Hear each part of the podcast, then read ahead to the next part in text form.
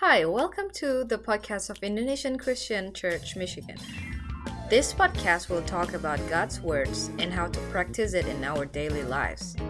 Each episode will closely discuss the weekly or monthly theme of ICC Michigan and other related topics. Feel free to subscribe, support, and visit our website at www.icc-michigan.org for more information. We hope that through this podcast, you will be strengthened and growing in the truth that has set you free. Happy listening and God bless you.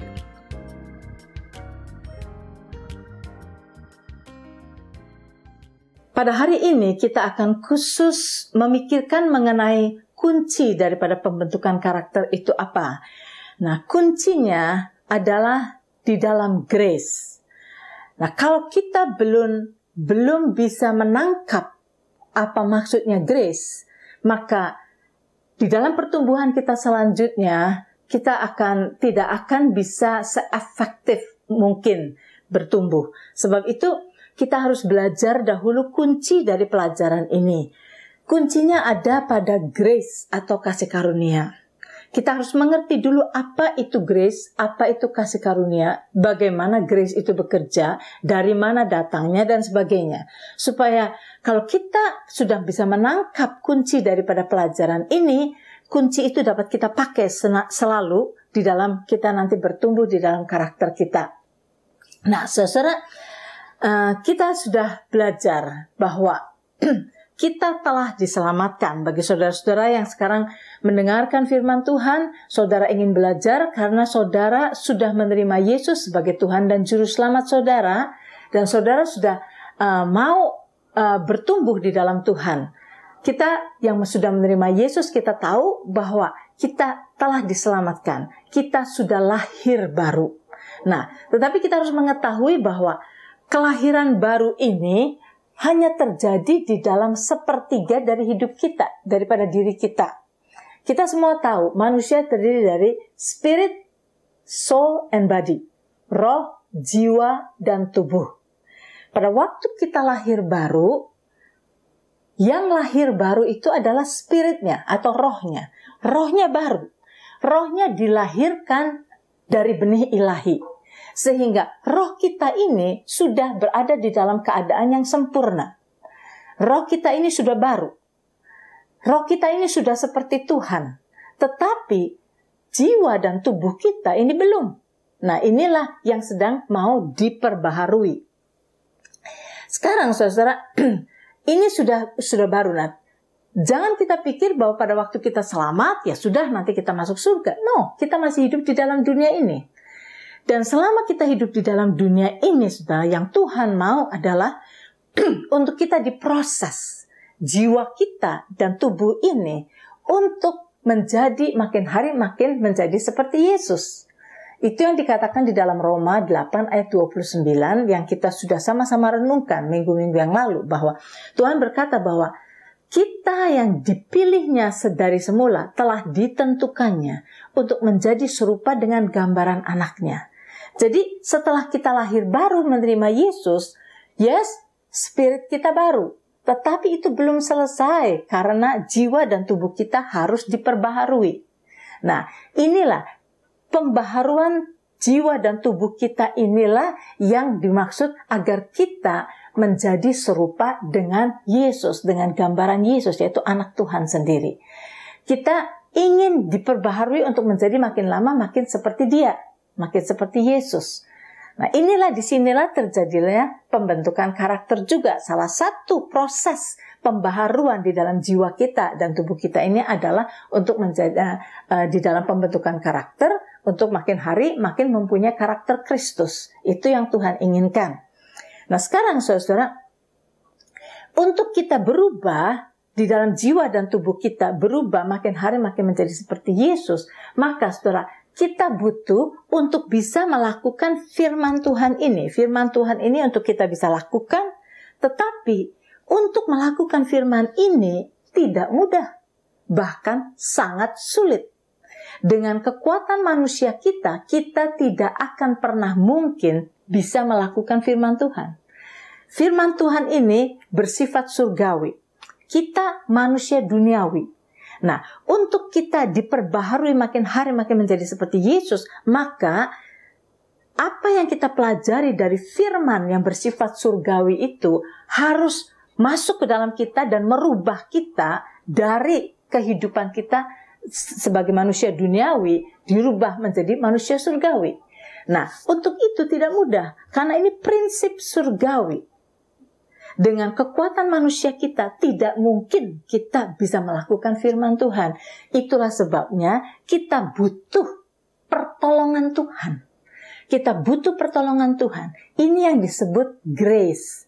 Grace atau bahasa Indonesianya kasih karunia. Bisa juga diartikan anugerah Nah, kalau saya sebab kita berada di dalam di North America, kita sering kali pakai bahasa Inggris, sering kali pakai bahasa Indonesia. Bahasa Indonesianya kasih karunia, Inggrisnya grace. Nah, sekarang mari saudara-saudara kita lihat dari dulu saya pada waktu merenungkan apa sih kasih karunia itu? Apa sih kasih karunia itu? Kasih karunia, kasih karunia. Kasih yang dikaruniakan atau apa? Kasih karunia. Kalau kita cuma mendengar kata kasih karunia, sulit buat kita untuk menggambarkan apa maksudnya kasih karunia. Nah, setelah saya pelajari dan kita melihat dari kata grace itu, mungkin lebih mudah untuk kita bisa cerna apa maksudnya grace. Nah, saudara-saudara, saya sudah berikan pada waktu-waktu yang lalu definisi daripada grace itu. Definisi daripada grace ada di dalam Webster Dictionary. Apa itu grace? Tadi saya katakan untuk kita berubah, jiwa kita dirubah, kita membutuhkan grace. Nah, grace itu apa?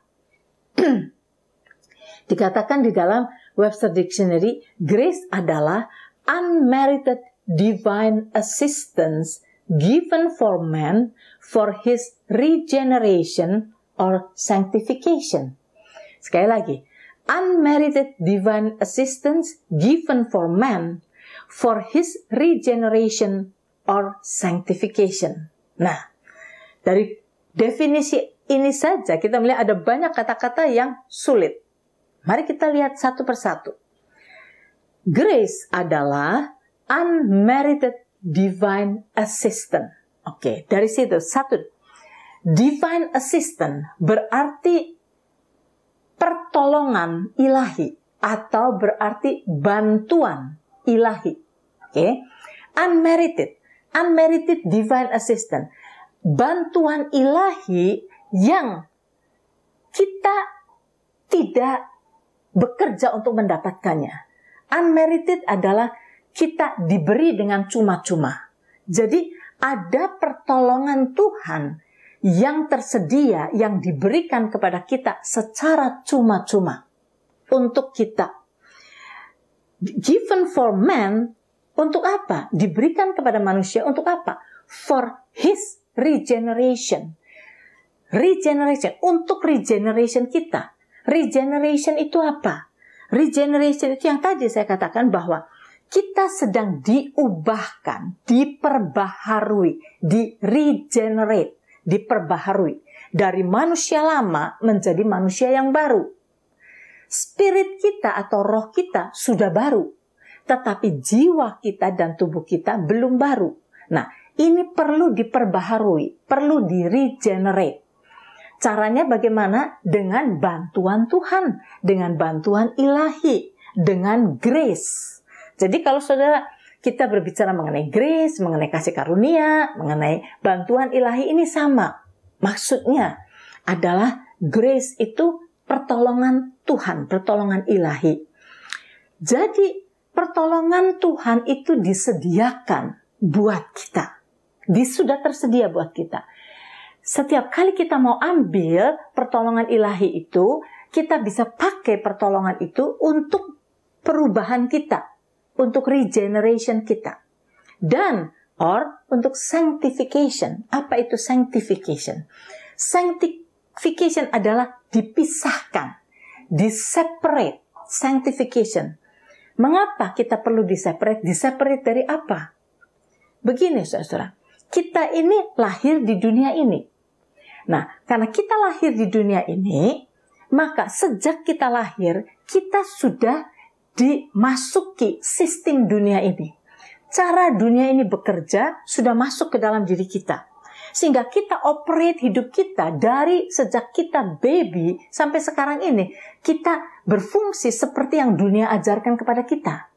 Nah sekarang, somewhere di dalam kehidupan kita yang sudah berfungsi dengan sistem dunia, dengan cara dunia itu, kita bertemu dengan Tuhan, dengan Tuhan Yesus, kita terima Yesus, dan kita dilahirkan baru. Gitu kan? Kita diselamatkan, kita dilahirkan baru. Nah, pada waktu kita dilahirkan baru, spirit kita, roh kita baru. Tetapi jiwa kita dan tubuh kita masih tetap berfungsi seperti yang dulu, seperti cara dunia. Nah, sekarang bantuan ilahi atau the grace of God itu pertolongan Tuhan itu diberikan kepada kita supaya kita bisa hidup dengan cara surgawi, dengan cara Tuhan dengan cara kehidupan yang baru yang terpisah dari cara dunia, yang berbeda dengan cara dunia. Cara dunia, sistem dunia adalah self-center, egois. Di dalam cara dunia, segala sesuatu yang kita mau lakukan, kita selalu berpikir untung rugi. Mana yang menguntungkan kita, mana yang merugikan kita. Kalau ini akan merugikan kita, kita nggak mau lakukan. Kalau ini menguntungkan kita, kita akan lakukan. Itu cara dunia itu selalu self-center, egois. Centernya adalah diri kita sendiri. Tetapi cara Tuhan itu lain. Prinsip surgawi itu lain. Prinsip surgawi adalah kasih. Kasih. Jadi saudara, untuk merubah cara kehidupan yang lama yang diatur oleh sistem dunia ini, yang egois, yang selfish, berubah dengan cara Tuhan, itu kita membutuhkan pertolongan Tuhan untuk memisahkan cara hidup kita dipisahkan dari cara dunia. Sanctification. Jadi bukannya berarti kita disuruh meninggalkan dunia ini, meninggalkan orang-orang dunia, bukan. Tetapi cara dunia dan cara Tuhan itu berbeda. Dan sanctification adalah uh, di proses di mana kita memisahkan diri kita dari cara-cara dunia ini dengan hidup dengan cara Tuhan. Seperti itu. Untuk kita bisa dipisahkan dari dunia ini, kita membutuhkan pertolongan Tuhan, yaitu grace, pertolongan ilahi dibutuhkan pada kita. Sekarang, mari kita lihat dari mana datangnya grace? Kita tahu datangnya dari Tuhan. Seperti apa grace itu? Bagaimana grace itu datangnya? Mari kita lihat dari Yohanes pasal 1 ayat yang ke-17. Yohanes pasal 1 ayat yang ke-17. Bagaimana datangnya grace itu? Dikatakan Yohanes 1 ayat 17. Sebab hukum Taurat diberikan, diberikan oleh Musa. Sebab hukum Taurat diberikan oleh Musa. Tetapi kasih karunia dan kebenaran datang oleh Yesus Kristus. Sekali lagi. Tetapi kasih karunia atau grace dan kebenaran, the truth, datang oleh Yesus Kristus. Saya bacakan di dalam bahasa Inggrisnya. For the law was given through Moses but grace and truth came through Jesus Christ. Jadi begini, saudara bisa bayangkan kalimat ini. Hukum Taurat atau the law itu kan ditulis oleh Tuhan di dalam dua loh batu. Law itu, hukum Taurat itu diberikan oleh Musa. Musa berikan kepada orang Israel law. Ini law. Lakukan ini. Jadi law itu diberikan dan orang Israel dituntut untuk melakukan. Bagaimana? Terserah dengan kekuatanmu, dengan usahamu, dengan kuasamu, lakukan ini. Lo itu diberikan oleh Musa. Bung. Dan orang Israel disuruh melakukan. But, katanya, grace and truth, kasih karunia dan kebenaran, the truth, datang oleh Yesus Kristus. Datangnya oleh Yesus Kristus, dengan Yesus Kristus. Jadi saudara, grace atau kasih karunia itu ada pada Yesus Kristus. Kedatangan Yesus Kristus itu membawa grace. Jadi saudara, kita sekarang di dalam perjanjian baru hidup under grace kan, di bawah kasih karunia, di dalam kasih karunia. Maksudnya apa? Di dalam pertolongan Tuhan. Jadi bagaimana caranya kita mendapatkan grace itu? Yaitu di mana ada Tuhan, di situ ada grace. Di mana ada Yesus, di situ ada grace. Grace datang dengan Yesus. Tadi hukum Taurat diberikan oleh Musa. Hukum Taurat ini, ini cara hidup kamu lakukan. Caramu sendiri. Tetapi grace tidak. Tuhan berkata, ini kebenaran yang harus kamu lakukan.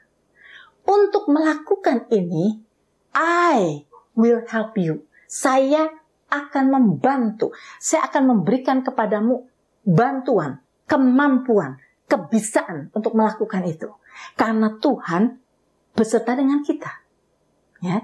Jadi kalau Tuhan berikan grace dan grace itu datang bersama-sama dengan Yesus di dalam Yesus, lalu di mana dan grace itu ada di mana sekarang? Grace itu, saudara, ada di dalam kita. Karena Yesus ada di dalam kita. Kita tahu firmanya dari 1 Korintus pasal yang ke-6 ayat yang ke-19 dikatakan begini. Atau tidak tahukah kamu bahwa tubuhmu adalah bait Roh Kudus yang diam di dalam kamu. Roh Kudus yang kamu peroleh dari Allah dan bahwa kamu bukan milik kamu sendiri. Atau tidak tahukah kamu bahwa tubuhmu adalah baik Roh Kudus? Ya, Tuhan ada di dalam kita. Grace datang bersama-sama dengan Tuhan dan Tuhan ada di dalam kita. Jadi kalau saudara mau tahu di mana adanya grace, grace ada di dalam kita. Bagaimana grace atau pertolongan itu sudah ada di dalam diri kita. Bagaimana cara kita mendapatkannya? Tinggal ambil, saudara. Tinggal ambil. Nah, kemudian saya bawakan kemarin itu. Sebab itu kata Tuhan di dalam Ibrani 4 ayat yang ke-16. Masuklah, kata Tuhan, ke tahta kasih karunia Tuhan dengan berani untuk menerima pertolongan pada waktunya. Untuk menerima rahmat, untuk menerima pertolongan, untuk menerima kasih karunia itu, pada waktu engkau membutuhkan, kamu bisa terima. Maksudnya gitu. Nah sekarang pertanyaannya, di mana tahta kasih karunia itu? Apakah tahta kasih karunia itu di gereja? Kamu harus pergi ke sana, di situlah ruangan tempat beribadah, jadi di situ tahta kasih karunia. Apakah kasih karunia itu di rumah kita, di ruangan di mana kita berdoa? Apakah itu tahta kasih karunia? Di mana kata tahta kasih karunia itu? Saudara, tahta kasih karunia itu adalah hadirat Tuhan. Hadirat Tuhan, di mana Tuhan bertahta, di hadiratnya. Nah, jadi untuk kita bisa menerima kasih karunia itu, kita just perlu datang kepada Tuhan. Kita perlu just datang. Tuhan, datang ke hadirat Tuhan. Itu adalah persekutuan kita dengan Tuhan.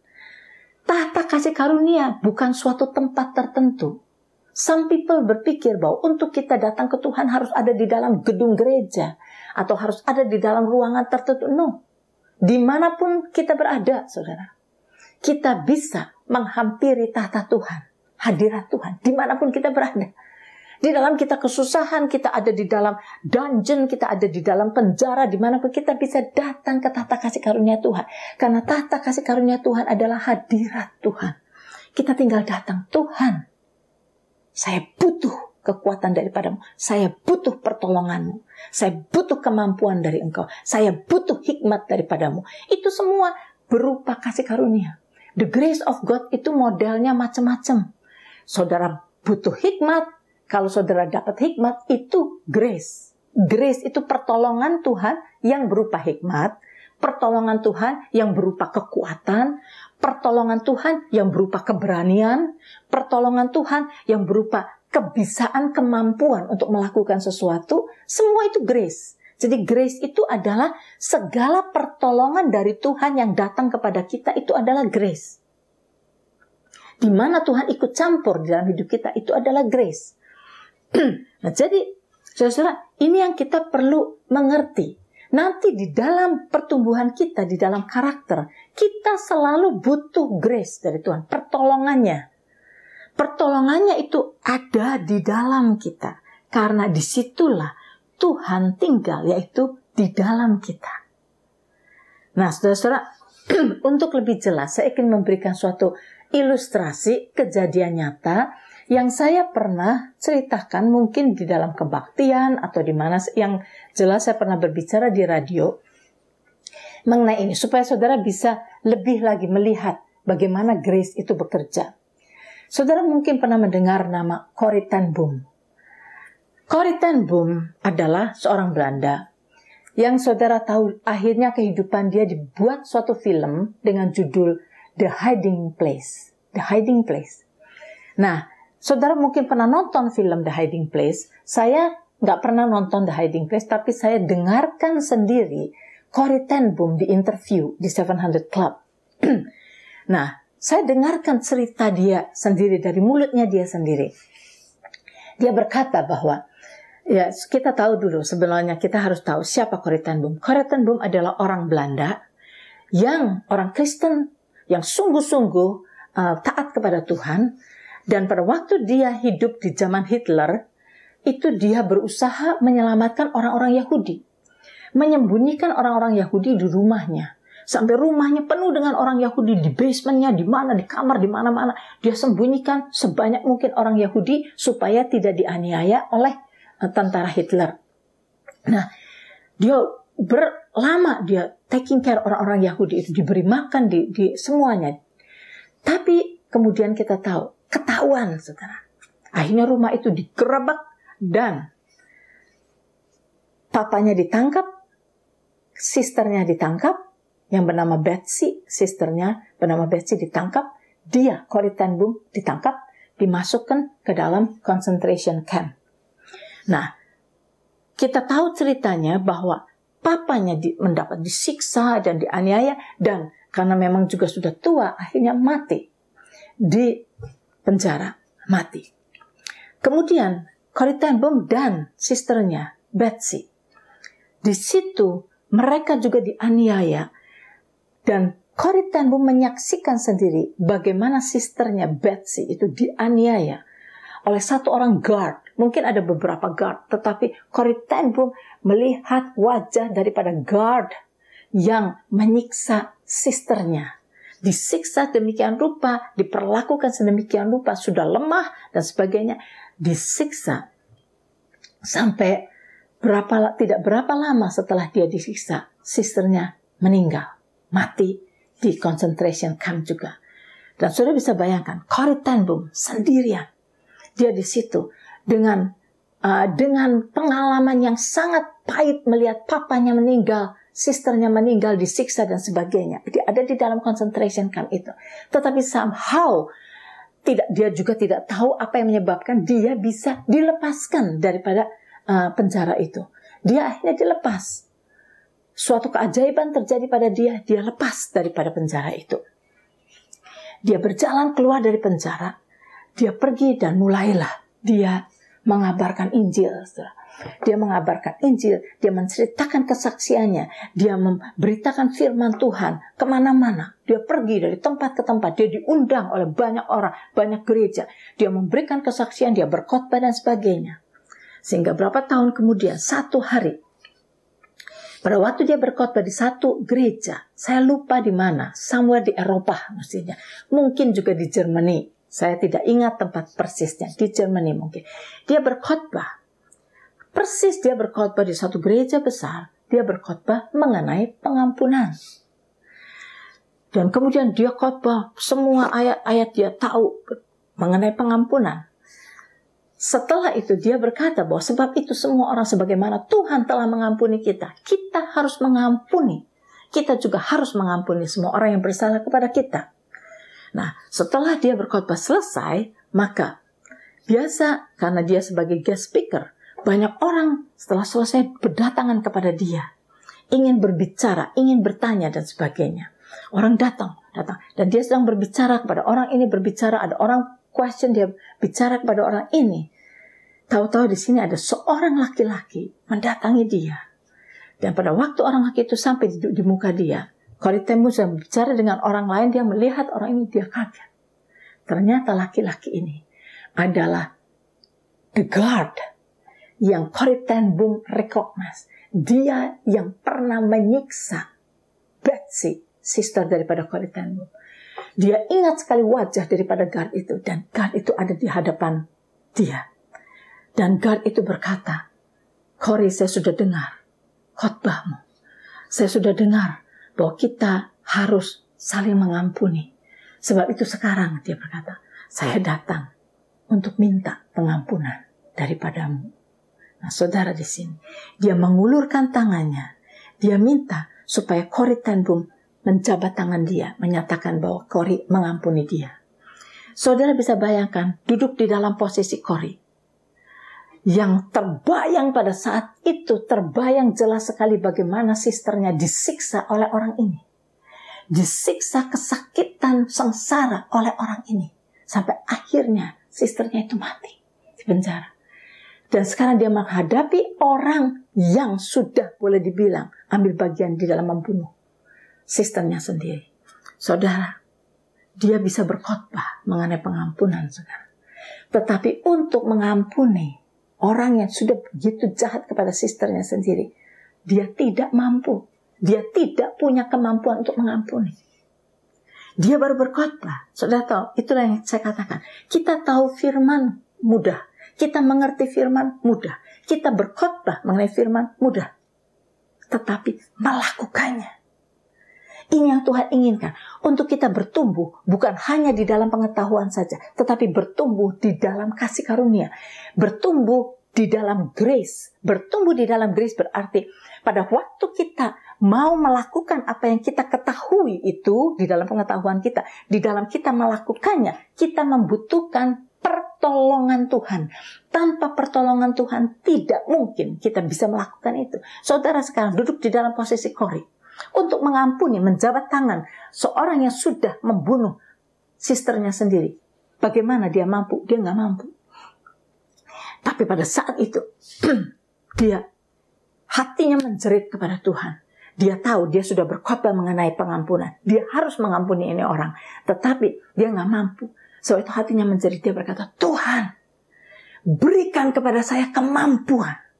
Di situlah dia menjerit di hadapan Tuhan, di hadirat Tuhan, Tuhan berikan kepada saya kemampuan untuk mengampuni orang ini. Dan setelah dia mencerit hatinya kepada Tuhan demikian, dia bertindak dengan iman, saudara. Dengan iman, tangannya dia ulurkan, menjabat tangan daripada orang yang meminta ampun kepada dia. Pada waktu dia katakan, pada waktu dia jabat tangan orang itu, dia katakan sesuatu keajaiban terjadi. Dia merasakan ada kasih mengalir dari atas kepalanya, mengalir masuk ke dalam tubuhnya, seluruhnya mengalir ke dalam tangannya, dialirkan kepada orang yang minta pengampunan itu. Dia jabat tangan orang, ada kasih yang melimpah, mengalir, mengalir. Dan dia katakan, saya tidak bisa describe kasih itu. Dan dia tahu, that is anugerah Tuhan. That is kasih karunia. That is the grace of God. Dicurahkan kepada dia. Karena dia datang ke tata kasih karunia Tuhan. Datang ke hadirat Tuhan berkata, Tuhan tolong berikan kepada saya kemampuan. Dan kemampuan itu Tuhan berikan kepada dia. Dan dia dapat mengampuni orang yang sudah bersalah kepada dia. Suatu kesalahan yang sangat luar biasa besarnya. Dia ampuni. Saudara, dari sini kita melihat bahwa bagaimana the grace of God bekerja. Bagaimana caranya kita menerima the grace of God, kasih karunia Tuhan itu. Bagaimana caranya? Seperti ini. Ini adalah suatu kesaksian, suatu kesaksian yang kita bisa bayangkan, gambarkan. Banyak kali pada saat kita tahu firman Tuhan, apa yang firman Tuhan katakan harus kita lakukan. pada saat kita mau melakukannya, kita tidak mampu untuk melakukannya. Dan pada saat itu, di situlah kita harus datang ke tahta kasih karunia Tuhan. Bukan suatu tempat, bukan suatu ruangan, tetapi hadirat Tuhan. Hadirat Tuhan itu dekat. Hadirat Tuhan ada di dalam diri kita sendiri. Tuhan berkata, Aku tidak pernah akan meninggalkan engkau. I will never leave you nor forsake you. Berarti Tuhan selalu ada beserta kita. Tuhan selalu bersedia untuk menolong kita. Tuhan selalu bersedia untuk mengulurkan tangannya, memberikan kekuatan kepada kita. So itu kita tinggal hanya berkata, Tuhan tolong. Seperti Kori berkata, Tuhan tolong. Berikan kepada saya kemampuan. Dan kemampuan itu datang pada saat dia bertindak dengan iman. Kemampuan itu terjadi. That is hidup di dalam kasih karunia. Biar saudara, setelah kita mendengar ini semua, saudara bisa berdiskusikan uh, sendiri di antara saudara. Apa yang saudara dapat pelajaran dari kasih karunia itu apa maksudnya? Tahta kasih karunia itu maksudnya apa? Saudara bisa mendiskusikan supaya ini lebih jelas lagi buat saudara. Dan minggu depan kita akan lanjutkan lagi. Sampai bertemu minggu depan.